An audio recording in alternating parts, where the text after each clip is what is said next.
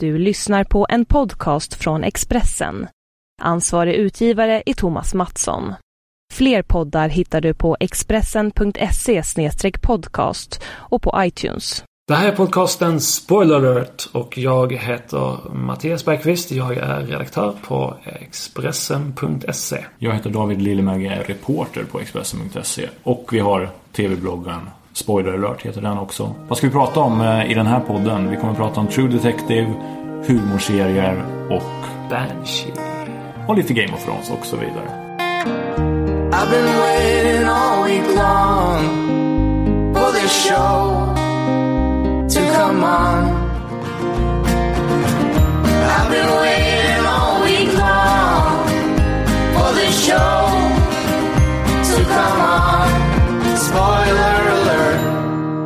Välkomna till podcasten Spoiler alert. Det där var Flora Cash som har gjort ett fint intro till oss. Fantastiskt tycker jag. De är en fantastisk duo. Bor i Minnesota men eh, kommer till Stockholm snart tror jag faktiskt. Ja, Jag vet det eftersom det är min svägerska som så är det ja. Så är det ja. Den där. Svågerpolitiken. Exakt, det är för jävligt egentligen. True Detective, eh, denna tv-vår så eh, är det också höst eftersom True Detective är slut. Hur, hur menar Det, du då? ja, det, allt blir mörkt igen. True Detective tog slut. eh, denna tv-vår. Och då kändes det igen som höst. Och det blev också höst igen. För att Så var det ju i några dagar. Marty och Rust försvann. Exakt, verkligen. Nej, otroligt bra True Detective. Ja, vi snackade om det för, för podcasten. Då hade vi inte sett så mycket som vi har sett nu. Nu har vi sett allting. Till och med. Och det var ju, eh, fortsatte ju på samma fantastiska eh, våg utav perfektion. Jag snackade med Anders Nunstedt. Alla vill ju prata om True Detective som alla har sett det.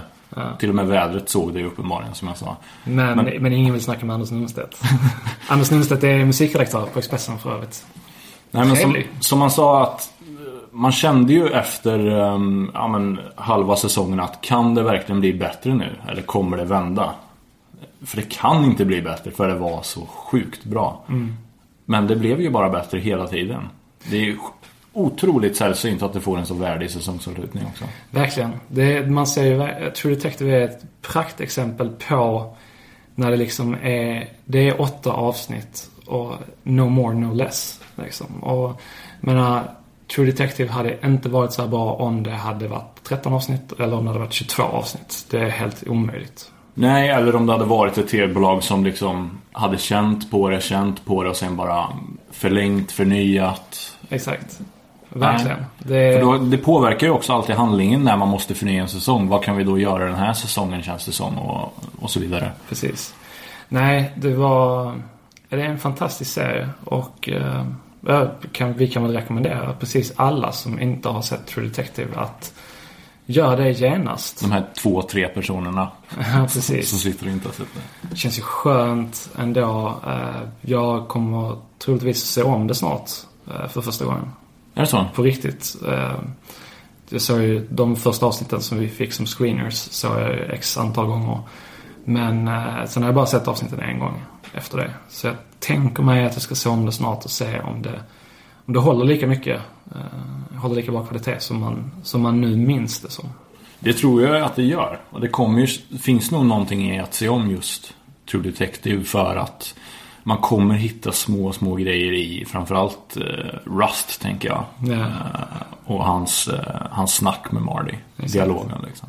Vi kan väl också ta upp det här med, jag tycker att det finns eh, en väldigt befogad kritik mot serien. Som handlar om hur kvinnorna framställs i serien. Och det är ju, de är ju väldigt tvådimensionella och tar ju, de är ju knappt karaktärer kan man säga. Det finns, det... det- finns ju ingenting. Där, men där, däremot så kan man väl säga det att eh, så som eh, de förklarar eh, det eh, och liksom motar bort kritiken på ett sätt är att då alla andra karaktärer förutom Rust och Marty eh, ser man genom eh, den här duons ögon. Ja men precis det jag tänkte säga. Det handlar ju inte enbart om, om kvinnorna just True Detective.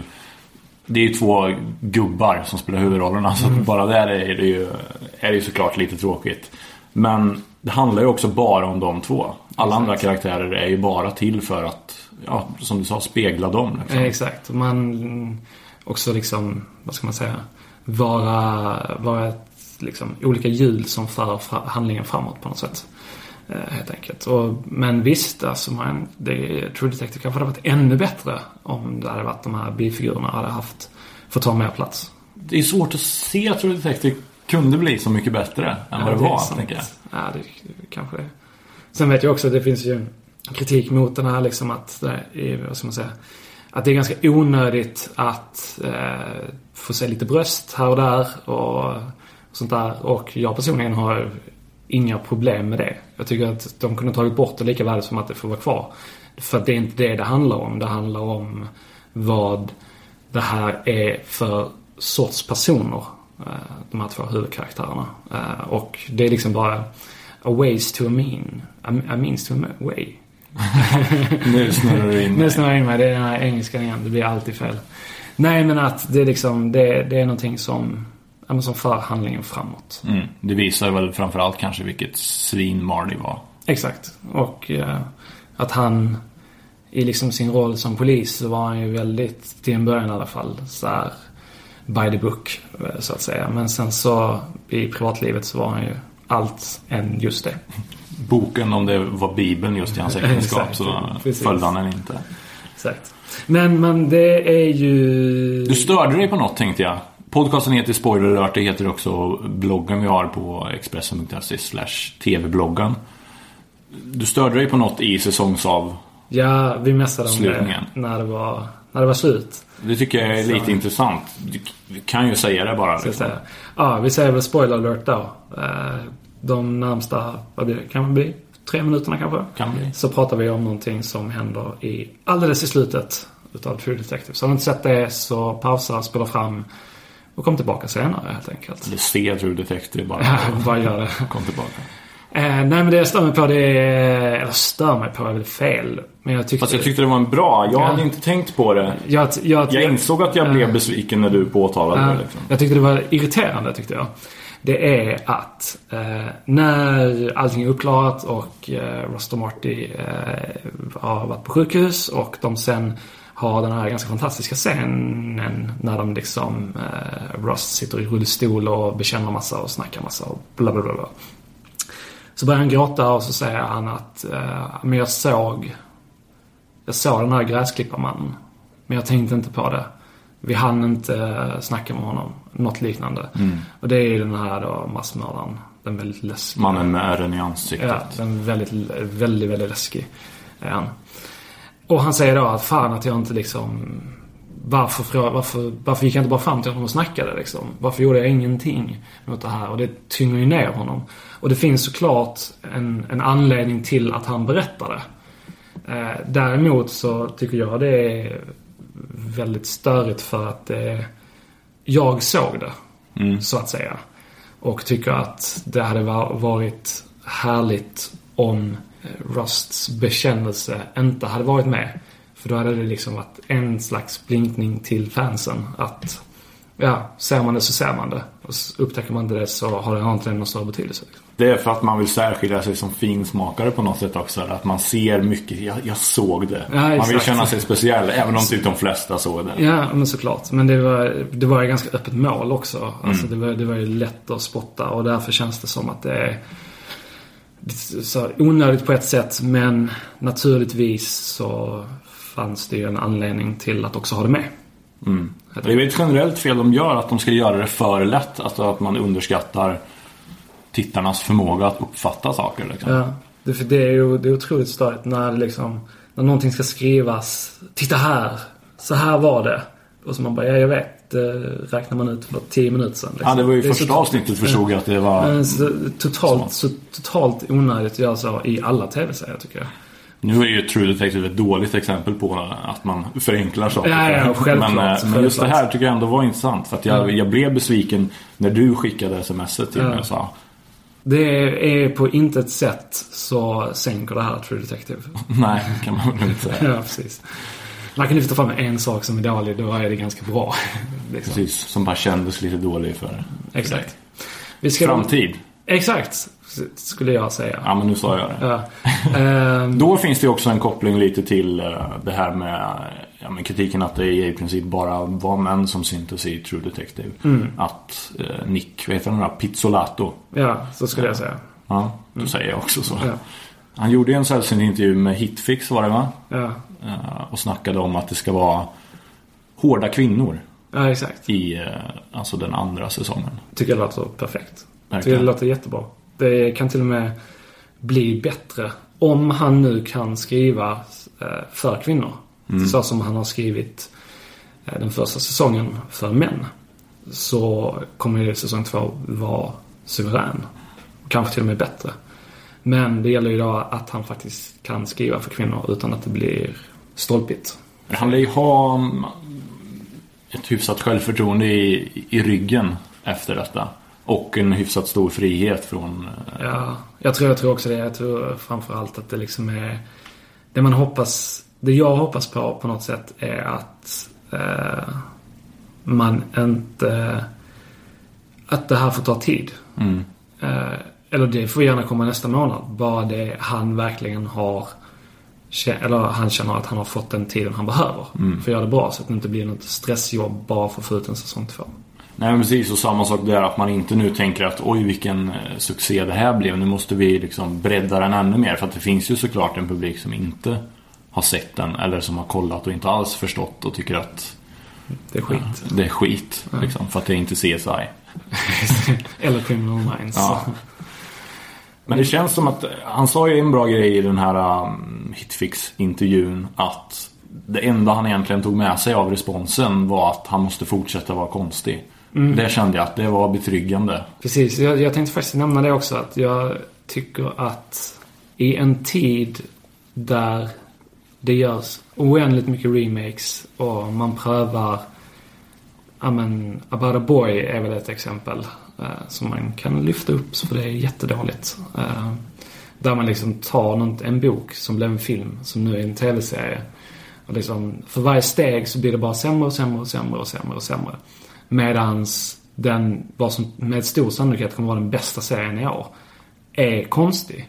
Och har en berättarstruktur som utmanar och kräver mycket utav den som tittar. Eh, Då det, är för, det är för mig så konstigt då att man bara, nej men vi gör en remake till. Vi gör det här, vi gör det så enkelt som möjligt. Och man gör ju remakes och tror att bara för att den här boken har lästs av precis varenda skolungdom och alla har sett filmen så, så kommer man tycka om även serien utan att man tillför någonting nytt och bra liksom, till, Exakt. till storyn. Nej, det, det, det är så konstigt. Istället för att satsa mycket, mycket, mycket, mycket pengar på det. Låt, låt smarta människor göra konstiga saker så blir det bra till slut. Det fanns ju också någon styrka i True Detective att man visste, ja men som vi sa, att det bara Det var den här säsongen, sen kommer det nya karaktärer.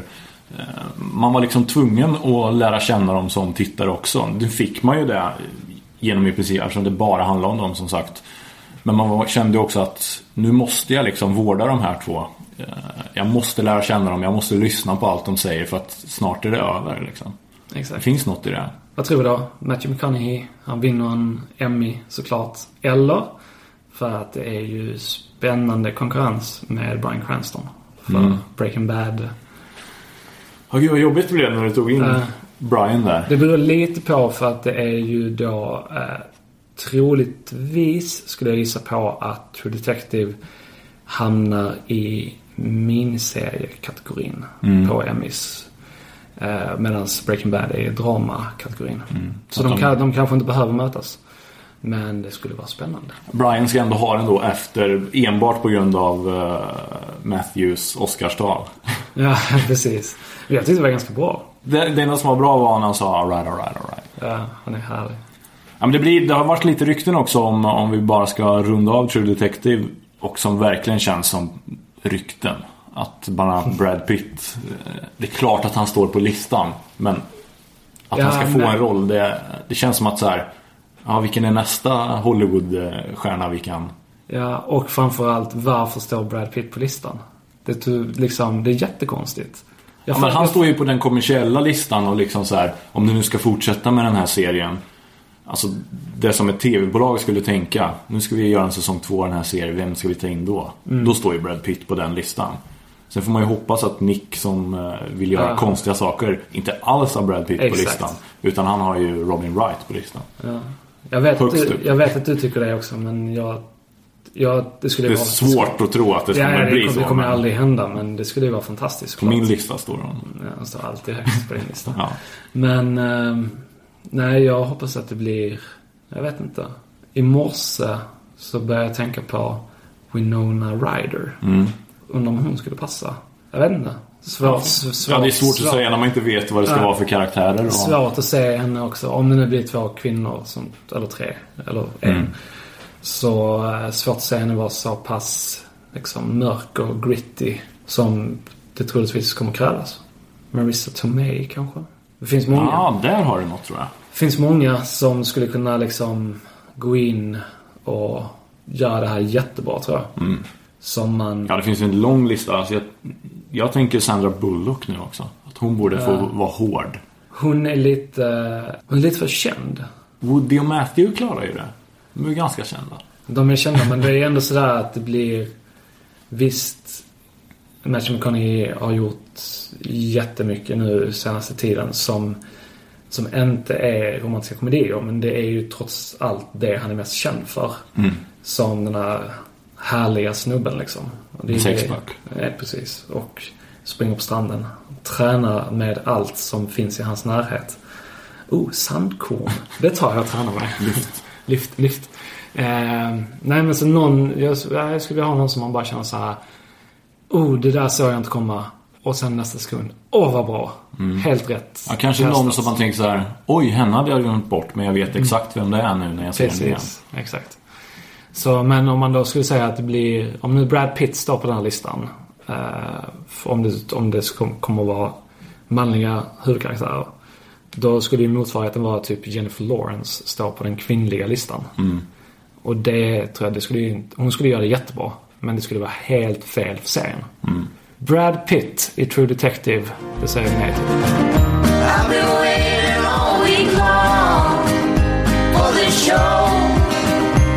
Come on. Spoiler alert. Från True Detective till komedi.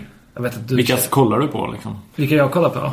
Jag kollar alltid på Brooklyn 99. Jag tycker det är väldigt bra. Värdig eh, Emmy-vinnare, Verkligen. får man säga. Det verkligen. var så här, åh vilken skräll stod det i rubriken. Så här, ja, för att det är en nykomling. Men Ja, det var ju roligast. Ja, väldigt, väldigt roligt och man har ju... Tycker väldigt mycket om Andy Samberg. Mm. Så att jag gillar att eh, just han får ta mycket plats i en välskriven komediserie. Liksom. Det är det jag kollar på liksom. Mm. Sen så Big Bang Theory kollar jag på. De flesta komediserier kollar jag inte liksom, och det kommer ett nytt avsnitt, nu ser jag det. Utan jag Nej, då är det nog Brooklyn som... Det- Jag har några till som vi säkert kommer in på. Men Brooklyn är ju... Ja, det är, det är roligast Mm. på TV just nu. Exakt. Får man nog säga. Sen tycker jag också att eh, Parks and Recreation är väldigt bra. Som lyckligtvis sänds på More. Det känns som att de här serierna som är inne liksom, som har gått över fyra, fem säsonger.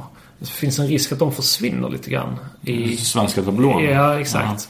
Så det, det är bra att More eh, lyfter upp Parks and Recreation som, som är fantastiskt. Det är klart, det är inga jättesiffror kanske för alla serier som svenska kanaler köper in. Men det är ändå det är dåligt mot de tittarna de väl har när de bryter och bara Ja, så här, ja, exakt. nu lägger vi ner. Ja. Serien fortsätter, köp ett amerikanskt iTunes-konto och så Ja, vidare. exakt. Jag tycker också det är... Brooklyn finns på sexan. Exakt. Och också där, på den kanalen, finns det avskyvärda serien Dads. Ja. Båda från Fox också va? Ungefär samtidigt kom de och det var så här, här är en två nya komedisatsningar. Och ja, Dads är så obeskrivligt dåligt och visar allt som är fel med världen. Mm. Och allt som är fel med USA på något sätt. Ja, exakt. kokat ihop bara i Dads. Precis. Sen så, nej men sen kan jag väl också tycker det är, det är väldigt, väldigt härligt att det finns, eh, att Netflix har så pass mycket eh, utav de här serierna, att de har de tidiga säsongerna. Mm. Som man kan, när min, när min son var nyfödd så var det, stod det bara och rullade sådana serier. Man var uppe med honom på, på natten. Helt perfekt. Ja, Netflix har ju till och med vänner numera. Ganska nyligen dök det upp. Jag vet, jag såg faktiskt, vad var det jag såg? Sju, sex, sju avsnitt. Uh, återigen en natt. När det var dags att gå upp med sonen. Det här föräldraskapet har gjort under för ditt tv-tittande. Eller hur? Det som slog mig var att det är coolt att vänner håller så pass bra som det faktiskt gör. Fortfarande. Eh, och framförallt, jag hade inte för mig att säsong ett var så pass bra som den faktiskt var. För det är ju ändå den svagaste säsongen, men det är fortfarande toppenbra. Stark humorserie. Det vänner är ju alltid det som används som liksom eh, the blueprint för alla andra serier på något sätt. I alla fall när de ska recenseras. Är det här nya vänner så fort det är ett gäng kompisar? Eh, exakt. New Men- Girl är ju en sån som har snackats lite om. Ja, som alla andra komediserier ska jämföras med vänner för att det är så bra. New Girl följer jag också. Det är en så konstig eh, relation jag har till New Girl för att den går så upp och ner hela tiden. I början jag tyckte att det var det roligaste som fanns på TV. Sen var det helt värdelöst. Och nu går det bara upp och ner avsnitt till avsnitt. Är um, otroligt svajigt. Men jag kan inte heller ge upp det för att jag vet ju att nästa avsnitt kan, det vara, kan jag sitta och skratta. Och det gör jag sällan så att... Exakt, det är ju sant. Eh, Men eh, nej, men det är jätteroligt med, med sådana serier som där man känner att åh, jag måste, måste se nästa avsnitt. För det finns en möjlighet att det här kommer vara det bästa avsnittet i seriens liksom, historia. Kollar du på New Girl? Jag kollar sporadiskt, Semi, ja. sporadiskt måste jag säga. Eh, Jag, jag, Det kanske, du kanske tajmar också så att du bara ser de roliga avsnitten. Det är Eh, Exakt. optimal upplevelse. Nej, men jag, jag tycker att det är, det är bra. Ofta så är det lite, vad ska man säga, New Girl har ett formulär. Det här och det här ska vi ha i varje avsnitt. Och det följer det formuläret väldigt, väldigt ofta. Så att det, det är avkopplande och roligt ibland. Men det är inte så att jag känner att Åh, nu har jag missat ett avsnitt av New, New Girl. Nej. Vad ska jag göra? Nej, men lite for- i formuläret ingår ju att alla de här äh, karaktärerna måste spela sin roll på något sätt i varje avsnitt. Och de svajar ju också kring hur duktiga skådespelare de är. Jake Johnson är rolig i varje avsnitt. Eh, Zoe, inte lika rolig i varje avsnitt. Hon blir ju lite väl mycket ibland. Ja, Zoe spelar Jess som är ja, huvudpersonen får man säga. Exakt. Och det är ju också kanske den här seriens svaghet och styrka. Att eh, hon är väldigt charmig och härlig. Men när hon liksom går upp en nivå på charmigheten och den här konstigheten som bara hon har. Så blir det eh, antingen pannkaka eller jättebra. Mm. Ja, det beror kanske lite också på hur Jake... För, för de har ju en relation och det är ju det på något sätt som... eh, Som gör att serien inte har något liksom som driver den framåt på samma sätt som tidigare. För förut fanns det alltid den här eh, kemin och ska det bli någonting Exakt. som ju behövs på något sätt. Nu finns ju inte det. Nu bara gullar de och... eh, Och Jake har ju förändrats lite i och med att han är ihop med, med Jess också. Ja, det är tråkigt. Det är tråkigt. Ja, väldigt, väldigt tråkigt. Men det är roligt New Det är Girl. Kolla roligt. på New Girl. Ja. På tal om relationer. Uh, How I Met Your Mother. Åh. ja, Eh, jag har absolut inte sett allting utav How I Met Your Mother. jag har gjort det. Ja. Jag... eh, ja, men börja du då. Så kan du börja. Så kan jag Det är attackera. till att, börja, eh, ja, till att börja med så är det ju eh, Det som var på något sätt titeln eh, Var ju en styrka till att börja med Alltså upplägget Hur träffade Ted Mosby eh, Sina barns mamma Det var väldigt roligt i början Det har också svajat som de flesta serier gör Men nu den här sista avslutande säsongen Där vi ska få träffa the mother of all mothers Så har det varit den sämsta serien nästan någonsin. Och man måste ju se det. Och det, är, det är väl det de vet på något sätt. Det var ju lite snack innan den sista säsongen att säsongen innan dess skulle avsluta serien. Skådisarna var inte så jättesugna på att fortsätta kändes det som och ha lite filmroller och sådär istället. Sen blev det ännu en säsong såklart för att de vill mjölka det och, och casha ut innan de lägger ner liksom. Men det har bara blivit... De har inte haft material till det. Dels har de flyttat dem från New York som liksom är precis som vänner. Att man, det är ju staden man vill vara i. Man vill ha bekanta miljöer. Där vill man ha Central Perk och här vill man ha de olika lägenheterna och eh, möjligen Barneys jobb. Och eh, här baren. baren såklart. Eh, McLarens pub. Och nu är de på något jäkla bed and breakfast långt utanför New York. Vilket ju bara det förstör. Det är ju inte samma serie då. Nej. Nej, jag förstår inte. eh, Jag... Det jag, eller snarare så här. Det jag har förstått är att kritiken mot serien är ganska massiv. Mm. Och eh, det jag har sett så har jag inga problem att förstå det. Samtidigt så kan jag väl tycka att liksom premissen för serien att så här träffade han sin stora kärlek liksom. Det är väl liksom, det är väl bra att de slutför det. Men de kanske skulle ha gjort det för tre säsonger sedan då. Ja men så är det och på något sätt den här sista säsongen handlar ju inte heller om hur han mötte eh, sin stora kärlek. Utan snarare handlar det om en lång, lång väntan på att Spoiler alert heter podcasten och det här är en spoiler alert. Har ni inte sett det så eh, se det, pausa. Det handlar om att Barney och, Robin ska, ska gifta sig. Och det är det man väntar på. Jag, jag kan inte ens förstå hur de ska knyta ihop det här superfort. Nu har de ju lite så här. De hoppar framåt i tiden till att de har träffats och de hoppar bakåt i tiden eh, för att, ja, för att det var roligare bakåt i tiden. För att fylla, fylla programmet liksom. Nej men det, är- det är oförklarligt hur de kan göra så här. Mot mig. Det känner att, att det till och med har blivit personligt. Ja men det ofta blir det där som jag sa att om jag har börjat kolla på en serie och hå- hållit, hållit fast i så många säsonger då kan jag ju inte sluta. Jag måste ju se klart. Och framförallt just som den här serien handlar om och heter How I Met Your Mother. Då vill jag ju veta. How did you meet? Jag tror att jag kommer se de sista typ fyra avsnitten. Ja det räcker ju. Ja. I och för sig. Det är en bra, bra tips där. Bara så här, det här, är de, det här är de fyra sista, sen blir det inget mer. Man Nej. bara, okej, ja, kolla dem, hur det slutar. Så behöver jag inte lägga ner så mycket tid på det. Och framförallt, jag behöver inte känna så mycket hat. Nej precis. Borde inte, behöver inte ligga vaken om nätterna och hata I Met Your Mother. I've been waiting all week long for this show on. Spoiler alert. Svenska komediserier. Ja, pratar ju ogärna om svenska serier för att det får ju på något sätt sällan plats. Det finns så otroligt många bra tv-serier att det är ju också väldigt svårt för en svensk serie att då ta sig in i den egenlagda tablån man har liksom. Framförallt så är det ju så med svensk komedi. Vi har, det finns ju många sv- svenska dramaserier som är väldigt bra. Däremot så är det ju svårare med komedi. Däremot så kanske vi har Nu, ja. en som vi tycker båda väldigt mycket om tror jag. Eller Mm. jag tycker väldigt mycket om det. Det är Jättebästisar med David Batra och Johan Glans i huvudrollerna. Och eh, Henrik Schyffert och Johan Rheborg har regisserat. Batra, Schyffert, Rheborg eh, och några till har skrivit manus.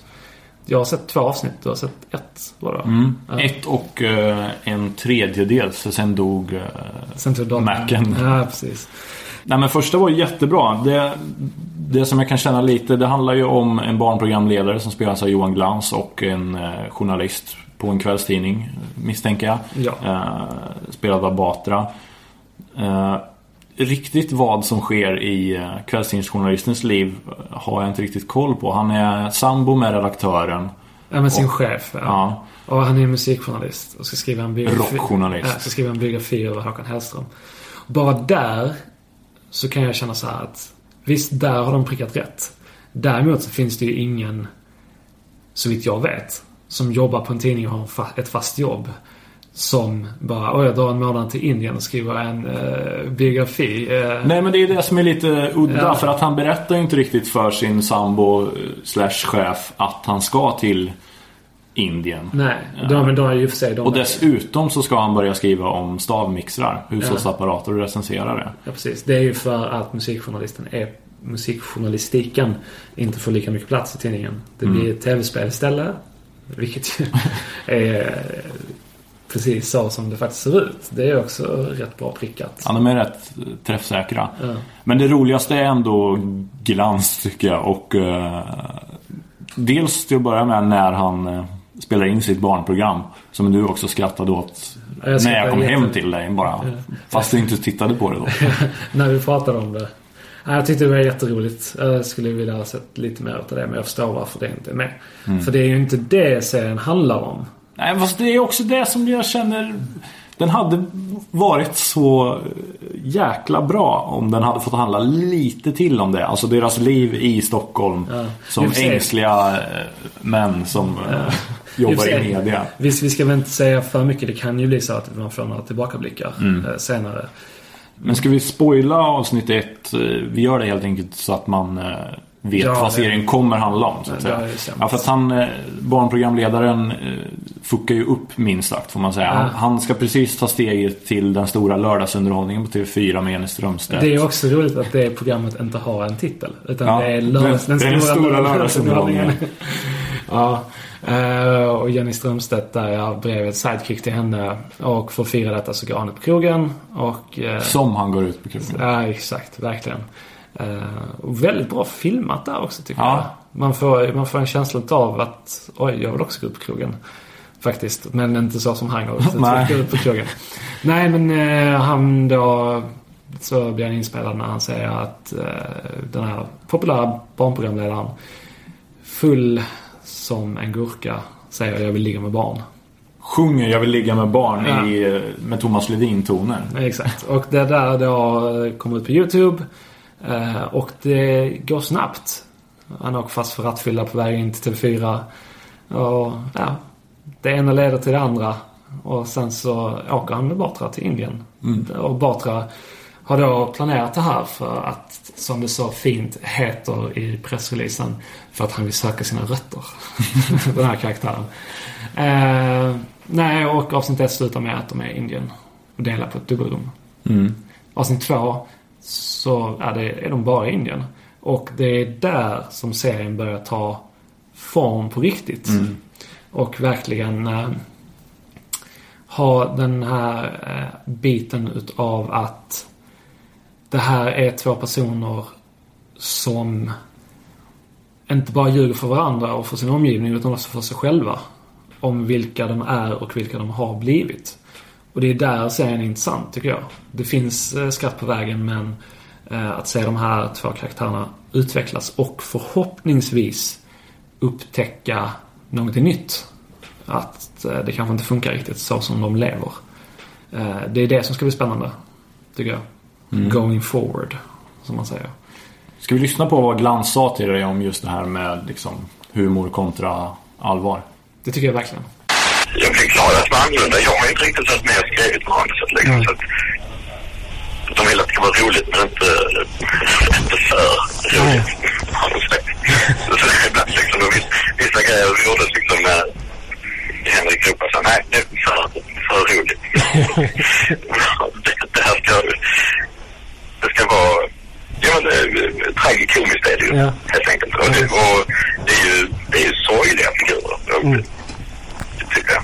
Eh, Patetiska. Det, det är när man...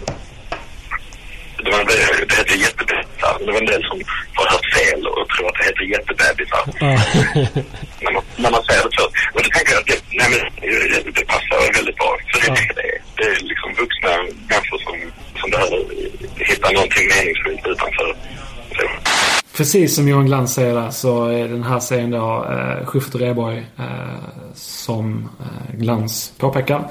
Eh, tyckte det var att skulle, vissa scener när de spelade in eh, i Indien blev för roliga. Och det ska vara roligt men inte för roligt. Det tycker jag är en väldigt bra premiss att utgå från. Mm. Också just på grund av att det är David Batra och Johan Glans som är för roliga oftast. Det är deras yrke att vara jätteroliga. Och framförallt Johan Glans känns skönt att se att han inte ska vara Ja men helt enkelt att han fick ta den här fyllan, han fick ha skägg och han slapp vara den här eh, bleka, lilla hariga Johan Glans som han så ofta ska spela liksom. Exakt. Jag tycker Här är han en tredimensionell människa istället för att bara vara sitt... Han är ju lite blek och liten till sitt yttre och att han får spela någonting annat för det är han ju såklart också. Verkligen. Och jag tycker han gör det, gör det jättebra. Eh, att spela den här personen som är patetisk i mångt och mycket och bara som knappt klara av att leva ett liv. Eh, fast att han är, ja, vad kan han vara, 35-40 kanske skulle man gissa på. Eh, och eh, har konstiga mössor på sig. Ja men precis, han ska ju samtidigt vara lite ball i sin värld som han nu lever i liksom. Exakt. Nej, så jag tycker, nej, eh, toppenbra jobb utav alla inblandade. I alla fall eh, så långt som två avsnitt. Mm. Speciellt Glans. Ja, han lyfter vi fram. Schyffert och Rheborg, de var ju bara ute och fotade i Indien liksom. Det var ju andra som Klart det var. där jobbet. Klart det var. Det blir, det blir ytterligare ett program sen. Precis.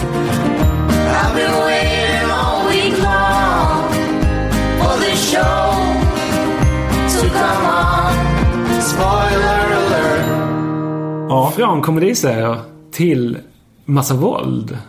Ja, just det. Det ska vi prata om. Ja. Banshee. Mm. Den här serien tycker du väldigt mycket om. Ja, Cinemax-serie som finns hos HBO Nordic. Eh, Den andra säsongen har precis, precis och precis, men den har rullat klart där. Eh, Den är extremt våldsam. Det handlar om en, eh, en, en man som heter, han heter Lucas Hood i serien men det är en identitet han har tagit efter en tid i fängelset. Han är sheriff i staden Banshee och söker där upp sin gamla partner och eh, partner in crime och partner också kärleksmässigt. Eh, för att ja, han vill träffa henne igen efter alla år i fängelset. De har tidigare jobbat åt hennes pappa som är en ukrainsk maffiaboss. Eh, och där är liksom premissen. Och allt tokigt som kan ske, det, det sker i Banshee. Här finns det livsfarliga nazister. Man får också... Tokigt är det inte. att du sa det. Är jag känner också när jag sa tokigt. Jag tänkte inte kommentera det men sen kände jag Gud, så tokig serie. skratt, skrattet började växa inifrån. Så Vilken tokig serie någonting. det är, Banshee. Förlåt, fortsätt. Ja, men eh, säsong ett handlar mycket om att han kommer ut ur fängelset och antar den här identiteten som eh, sheriff och eh, löser brott fast han, han inte bryr sig om reglerna. Säsong två har varit mycket, mycket bättre tycker jag. Det är några som har eh, hållit emot på Twitter bland annat. Där de säger att ja, hela konceptet har försvunnit. För säsong ett handlar mycket också om flashbacks till episka knytnävsslagsmål som man hade i fängelset. Och det var mycket så här en uppgörelse, en uppgörelse och så höll det på så. Säsong två har ändå fördjupats lite och man har liksom ja, börjat förstå hur fucked up eh, Lucas Hood, som han egentligen då inte heter, är. Och det gillar vi ju, när karaktärer utvecklas. Och man får lära inte känna dem alla. Nej, det gör inte alla. De vill ha det som Criminal Minds. Ja, precis. Nej, men det har varit en, en svinbra andra säsong, tycker jag faktiskt. Och den, om man nu ska vara, gå in och säga spoiler alert igen, vilket vi ju gärna gör. Så, så bygger den ju upp mot den slutliga uppgörelsen med Rabbit som eh, eh, den maffiabossen heter. Jag har svårt att vara att sammanfatta en serie så här kände jag. Ja, men bra gjort ändå. Väldigt bra gjort. Hyfsat. Det blev ett långt uh, i slutet. Men annars var det bra. Ja. Och till slut så får de sin hämnd mot honom. För han har förföljt dem, ja, hela deras liv egentligen. Och... man, borde, man borde ändå förbereda det här lite känner jag. Det här, det här Johan måste vi ha med. Klipp inte bort det här. Lucas Hood ger pistolen till Rabbit. Och där tar det slut. Säsong två. va? Säsong två. Ja. Ja. Och- Har du sett det? Jag har inte sett allt i säsong två. Och jag har inte sett allt i säsong ett heller. För att jag tyckte säsong ett var ganska tråkigt. Precis som du Trots alla knutnävsslagsmål. Trots det, jag brukar gilla sånt. I, eller jag gillar ju sånt. Såklart. Jag gillar action. Mm. Älskar actionfilmer. Ja, jag, du märker ju jag älskar det här. Jag gick igång så mycket. Så jag vill berätta precis allting som har hänt i säsong 1 och säsong 2. Men det blir svårt att få Ehm, in. men jag planerar att se klart säsong två. Kommer se det här. Det, Mm. Det liksom- räcker ju i princip. Man kan nästan hoppa in i eh, säsong 2 om man har grundpremissen i, i Mm, huvudet. Och som en liten bonus så har ju David pratat med Anthony Starr som spelar huvudrollen. Ja, han satt i en lusekofta i Norge och eh, han sa så här. he gets uh, a second chance to make the most of uh, his opportunities, and he comes into season two with. Uh, basically, I, I think his aim in season two, initially anyway, is to protect having realized that he's a father and, and the body of Rabbit is never found. So he really needs to protect those that he loves and um, make sure that the, the, the threats that are out there don't get realized. So it's it's a very different character to the character that we met at the start of the season, uh, season one, and um, it really he really evolves in season two as well, and so it's, it's going to be pretty exciting. Um, all going well, we get another season and we get to go and explore even deeper. Ja, det där var Anthony Starr. Och lusekofta alltså. Satt han i. Han var hemma i... i han kände sig väldigt hemma i Norge sa han. Jag kunde tyvärr inte åka dit men det fick räcka med en telefon. Ja, men det, det är en supervåldsam serie. Samma kritik som har riktats mot True Detective kan man ju rikta absolut och än mer mot, eh, mot Banshee. På grund av... Eh, ja, det är nästan så här mjukporrsekvenser eh, till och från. Och det är ju extremt våldsamt. Eh, Som Anthony sa så är det ju också väldigt uppenbart att det här är ju inte en verklighet. Sen är det en ursäkt man kan använda för vad som helst. Men, men just gällande våldet så är det ändå viktigt. Alltså det är väldigt överdrivet och det sker konstant. Ja men uppenbart. Karaktärerna är också, det finns en fantastisk eh, datahacker som heter Job som också är såklart fantastisk på att slåss. Eh, som är uppenbar, han är också transa. Det finns liksom hela tiden eh, element som, som talar om för en att Banshee och allt som sker i Banshee och för de här karaktärerna det är inte Det är en upphöjd verklighet får man säga. Exakt. Upphöjd, är ju en hemsk verklighet. Eh, ja, men det är väldigt bra serie helt enkelt. Cinemax Ja. men finns hos eh, HBO Nordic. Precis. Som så mycket annat som så mycket annat. den här eh, TV-våren känns som. Ja, för att TV-våren fortsätter med stormsteg. Och det som i alla fall jag ser fram emot Kan det vara? sjukt mycket Game of Thrones. Som ligger här bredvid dig på köksbordet. Det ligger screeners, gör det. Och jag har inte sett den. Jag ska spara det till ett tillfälle där jag känner mig lugn. Jag har ett lugn, vill jag ha. Jag har ett lugn i kroppen för att se Game of Thrones. Helt ensam, nedsläckt. Du sitter i din järntron Exakt. och bara tar på mig mina kläder. Som Winter is köpt. coming-mössan och... Winter is coming-mössan och så vidare.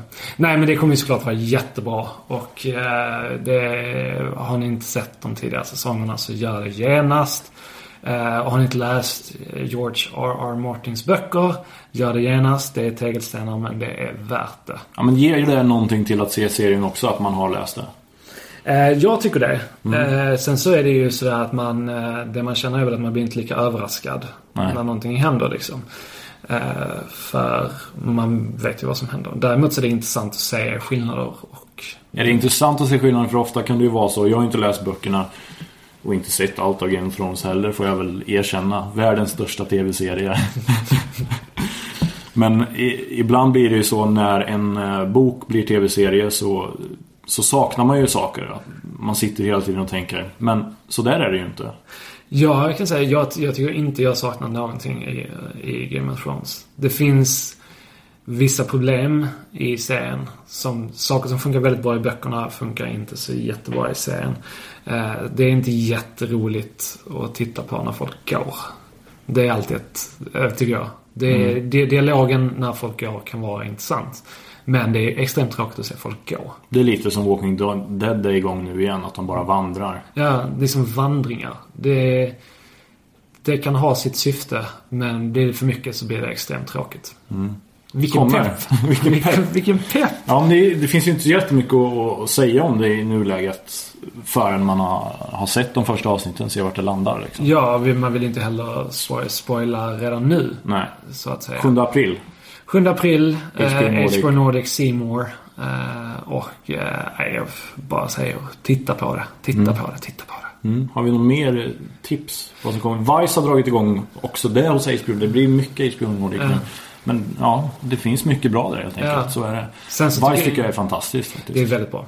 Eh, sen så tycker jag väl också att alla bara ska hålla alla tummar som man har, eh, förhoppningsvis två, eh, till att Orange is the new black på Netflix, som vi häromdagen kunde visa exklusiva bilder från på Spoiler alert, Expressens TV-blogg. Jag tror att det kommer bli en andra säsong som är ännu bättre än den första. De har också haft lite tidigare som de visar stort självförtroende och förnyade den serien tidigt. Så har det ju liksom eh, ja, men skaparen Genji Cohen och de har ju vetat om det länge. Så att det, det känns ju lovande för, för serien. Att det inte blir så här okej det här var en succé, nu måste vi skynda oss och få ut en ny. Exakt. Här har ändå funnits en period där de har kunnat Precis. arbeta fram en, en, en värdig andra säsong. Det finns mycket att se. I juni landar Orange is the new black va? Eller? Ja, exakt. Netflix. Och en serie som där, till skillnad från House of Cards, så är Orange is the New Black perfekt för det så kallade binge-watching. Och det där var allt för det här avsnittet. Det här är podcasten Spoiler alert som du har lyssnat på. Jag heter Mattias Bergqvist. Jag heter David Lillemägi och ni hittar oss som vanligt på Expressen.se slash tv-bloggen. Den heter också Spoiler alert. Tack så mycket för att ni lyssnade. Hej!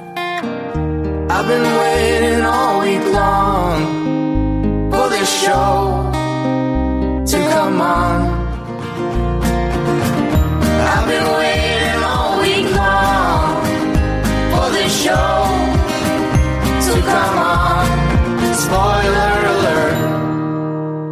Du har lyssnat på en podcast från Expressen. Ansvarig utgivare är Thomas Mattsson. Fler poddar hittar du på expressen.se podcast och på iTunes. Ett poddtips från Podplay. I podden Något Kaiko garanterar östgötarna Brutti och jag, Davva, dig en stor dos skratt. Där följer jag pladask för köttätandet igen. Man är lite som en jävla vampyr. Man har fått lite blodsmak och då måste man ha mer. Udda spaningar, fängslande anekdoter och en och annan arg rant. Jag måste ha mitt kaffe på morgonen för annars är jag ingen trevlig människa. Då är du ingen trevlig människa, punkt. Något Kaiko, hör du på Podplay. Därför arkadeinerna.